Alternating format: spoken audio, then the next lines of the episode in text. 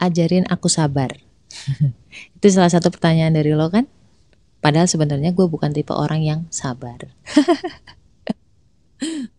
But mari kita sama-sama gimana sih caranya ya sedikit lebih sabar gitu ya. Sebelum kita lebih jauh, kita harus tahu dulu apa sih makna sabar. Terus kapan sabar itu diperlukan? Yang pertama, sebenarnya sabar itu bukan artinya diam. Kadang orang juga disakitin diam, tapi dalam hatinya dongkol, dalam hatinya tuh dendam. Bahkan yang paling parah sebenarnya sampai nyalah-nyalahin Tuhan, nyalah-nyalahin Allah. Salah saya apa ya Allah gitu kan. Berarti dia nggak sabar. Sabar itu adalah menahan diri dari hal-hal yang tidak diridhoi oleh Allah. Jadi ketika lo didolimi sekalipun, ketika lo sabar, bukan berarti lo terus diem aja gitu, enggak. Lo punya hak untuk ngomong, dengan nalar yang baik, dengan perkataan yang baik, bukan yang emosi mencak-mencak gitu. Oh, oke, okay, berarti sabar kita harus tetap on the track, tidak boleh melakukan hal-hal yang tidak disukai oleh Allah. Berarti kita harus kenal Allah kan? Kita harus tahu ilmunya kan? Kalau kita nggak ngaji, maka kita hanya mengenal Allah dari prasangka saja, dari asumsi doang. Kita nggak benar-benar mengenal Allah, hanya merasa mengenal Allah, iya. Dan caranya mengenal Allah adalah dengan ilmu. Assalamualaikum. Gimana kabar lo? Alhamdulillah. Apakah lo lagi ngerasa kesepian atau sendirian? Kenalin gue Ria Marliana, teman healing lo di podcast Self Healing. Di sini kita bakal ngobrol bagaimana sih belajar berdamai dengan luka, tentu aja atas izin Allah Subhanahu wa taala. Semoga Allah sembuhkan lukamu, ringankan bebanmu dan kuatkan hatimu. Sabar itu ada macam-macamnya sabar menghadapi musibah. Tingkatan yang kedua adalah sabar ketika meninggalkan maksiat. Dan tingkatan yang paling tinggi katanya sabar dalam ketaatan. Contohnya ketika lo misalkan sharing konten yang baik, akan ada orang yang ngehujat kamu. Bahkan mungkin nggak satu dua orang, banyak orang. Di situ kamu diuji kesabarannya. Apakah kamu sibuk ngurusin mereka atau justru kamu fokus terhadap tugas lo untuk berdakwah, ya? Nah gue nggak tahu nih yang nanya uh, sabar tentang apa dulu nih ya kan. Ketika lo dibikin marah oleh seseorang. Kadang kan kita terfokus kepada orang itu ya kan. Coba fokus lo tuh alihin ke Allah. Jadi ketika lo dipancing amarahnya, itu minasyaitonirrajim. Karena apa? Karena di saat itu, itu setan sedang menghembuskan api-api kemarahan di peredaran darah lo. Kita pasti kalah kalau ngelawan langsung kalau udah sampai nyesek banget nyesek banget gitu ya bahkan sampai ke fisik sakitnya itu gue istighfar jadi nggak ada sugesti sebelumnya tapi ketika gue ucapin istighfar itu masya Allah. Sakitnya itu bisa berkurang hampir 50% dibanding awal ketika kita tidak ngucapin astagfirullah. Orang kalau semakin fokus terhadap rasa sakit itu rasa sakitnya makin dalam. Rasa sakitnya makin terasa. Tapi ketika kita dialihkan ke hal yang lain terutama zikir, itu rasa sakit tadi jadi nggak terlalu terasa. Makanya kalau lagi ada pikiran, jangan dipikirin, dibuang aja. Take it or leave it. Ambil, telan, atau udah, jangan dipikirin, nggak penting gitu. Tadi itu kan sesuatu yang sifatnya adrenalin gitu ya. Sabar menghadapi adrenalin yang naik ketika lu didolimi gitu. Ketika lu menghadapi sesuatu yang tidak nyaman, itu gimana sih caranya untuk lebih bersabar? gue secara pribadi ini cerita gue aja ya karena gue kan nggak tahu kalau misalkan jadi lo karakter lo gimana gue tipikal orang yang nggak sabaran. Nggak sabaran dalam hal ini adalah gue tipe-tipe orang yang sukanya tuh instan. Ketika lo nggak nyaman tuh pengennya buru-buru kelar aja ya Allah gitu kan. Kalau nggak ditahan-tahan mungkin pikirannya udah ke mana-mana udah ngeluh-ngeluh ngomel-ngomel uring-uringan. Gue kan masih nyari-nyari kerjaan. Gue sanggupin, gue mulai cari tahu bagaimana cara ke Jakarta, gue tanya ke teman-teman gue kondisinya sekarang gimana. Awalnya gue mau naik bus. Pas ngobrol sama temen gue yang dari Bekasi, bilangnya tuh lagi macet banget. Even itu dini hari pun masih tetap macet. Nanti kamu capek ya gitu. Gue ngecek tiket kereta, ternyata tiket keretanya lebih murah. Nah biasa ya, golongan darah B kan realistis, ah lebih murah nih. Akhirnya gue iyain ya udahlah gue beli tiket pulang pergi. Hari keempat sebelum gue berangkat sebelum hari H anak gue sakit, panas, ya tumen-tumenan tuh. Gue sempat mikir aduh anak gue panas. Ini apa ya? Pertanda apa ya? Kenapa ya panas gue konekinya ke Allah gitu ya. Karena segala sesuatu yang terjadi itu pasti kan atas izin Allah. Jadi mulai dari Allah dulu. Gue paksain bilang alhamdulillah. Walaupun gue nggak tahu kenapa ya harus alhamdulillah bukannya itu sebuah kemalangan. Cuma sehari anak gue udah turun panasnya alhamdulillah kan. Nah di hari ketiga sebelum hari keberangkatan gue bangun tidur dalam kondisi encok jadi gue nggak bisa bangun sama sekali. Bisa dipaksain tapi sakit banget. Mungkin berdiri tuh nggak bisa sampai 10 menit gitu.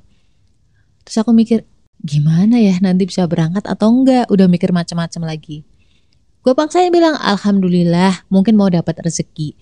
Kalau lu tinggal di Jawa, apalagi dengan nenek moyang, nenek moyang, dengan kakek nenek kita atau ibu-ibu kita, itu kita biasa dilatih untuk berpositif thinking terhadap apa pun yang terjadi selalu bilangnya bahwa oh mau dapat rezeki, oh mau dapat rezeki gitu.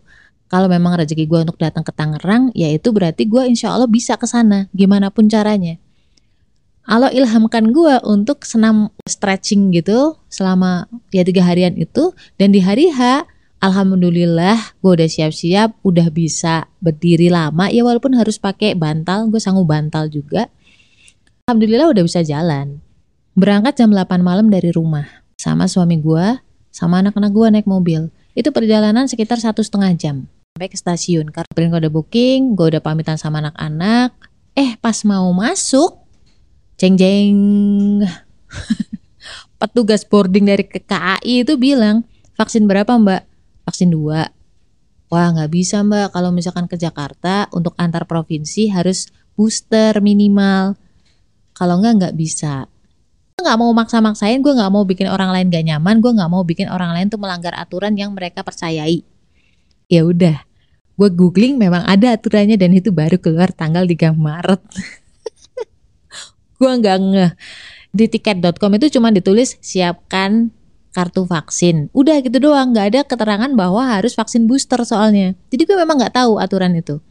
Coba bayangin lo harus sabar dan nggak misuh-misuh nggak berpikiran buruk gimana coba? Gimana caranya coba udah mau uh, gitu kan. Udah gemes gitu. Aku paksain alhamdulillah. Gimana pun pokoknya tetap alhamdulillah. Mungkin setannya atau jin di sebelah gue ketawa gitu ya. Ngapain sih lu alhamdulillah? gitu. Suami gue bilang apa mau naik mobil aja? Aku bilang gini jangan. Kalau rezeki tuh nggak akan ke mana. Kalau memang nggak rezeki mau dikejar ke mana juga nggak akan kena. Nah pulangnya itu gue mampir ke tukang nasi goreng sampai rumah jam 2 malam. Paginya gue email, gue ngabarin bahwa gue nggak bisa datang karena terkendala di sin booster. Karena saya masih tertarik dengan posisi ini, bisakah saya mengajukan dua opsi?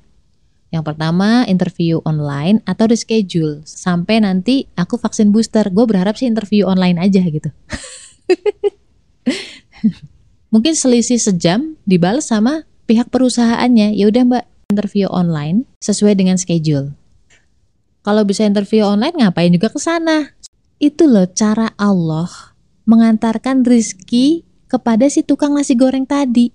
Bayangin kalau gue udah tahu sebelumnya bahwa harus vaksin booster, gue gak akan ke stasiun, gue gak akan ngelewatin tukang goreng itu, tukang goreng, tukang nasi goreng itu, gak akan makan di situ. Allah itu pengen nganterin rizki sebesar 70 ribu rupiah itu kepada tukang nasi goreng.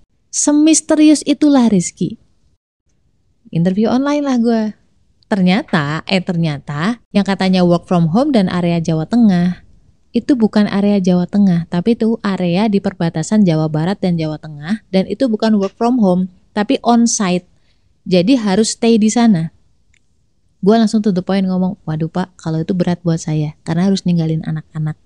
Ya udah, alhamdulillah, gue baru bisa bilang alhamdulillah yang sangat-sangat masuk akal gue berpikir gini, coba kalau gue jadi ke Tangerang, mungkin ujian kekecewaan gue dan kesabaran gue lebih berat dari ini gitu. Udah ke sana bolak-balik, biaya, rupiah, tenaga, pisah sama anak-anak, masih encok ya kan? Ketika ada perasaan tidak nyaman, gue paksain tetap bilang Alhamdulillah. Alhamdulillah ala kulihal. Segala puji bagi Allah di setiap keadaan. Setiap keadaan itu pasti baik Allah tidak akan mungkin membiarkan sesuatu terjadi ke dalam diri kita kalau itu itu buruk buat kita. Allah hanya akan mengizinkan sesuatu itu terjadi kalau endingnya baik buat kita. Di Al-Baqarah ayat 216, bisa jadi lu tuh menginginkan sesuatu padahal itu nggak baik buat lo. Bisa jadi lu membenci sesuatu padahal itu baik loh buat kamu. Setelahnya ya udahlah ya, berarti belum rezekinya di situ. Gue masih dikasih waktu bareng sama anak-anak, dikasih rezeki waktu bareng sama keluarga. Jangan sampai satu ketidaknyamanan membuat kita lupa akan banyaknya rizki atau anugerah yang Allah kasih. Kegagalan adalah sebuah anugerah. Kenapa? Karena dengan kegagalan itu kita bisa ingat sama Allah dan dengan kegagalan itu kita bisa belajar untuk bilang alhamdulillah. Jangan salah, ketika lo bisa bilang Alhamdulillah, itu sebentar lagi insya Allah Allah kasih ganti yang jauh lebih baik. Sabar aja. Kan kata Allah, mintalah pertolongan ke Allah melalui sabar dan sholat. Jadi dua hal ini tuh saling berkaitan. Kita bisa semakin sabar kalau sholat kita benar. Mulailah dengan membenahi sholat. Oke, okay? so apa pun masalahnya, katakanlah Alhamdulillah. Stay love and Assalamualaikum warahmatullahi Episode selanjutnya.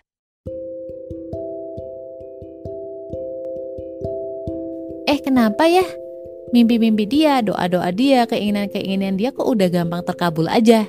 Sementara lo yang solawat, yang sedekah, ya semuanya lah, tahajud, duha, dan kawan-kawan belum terwujud-terwujud.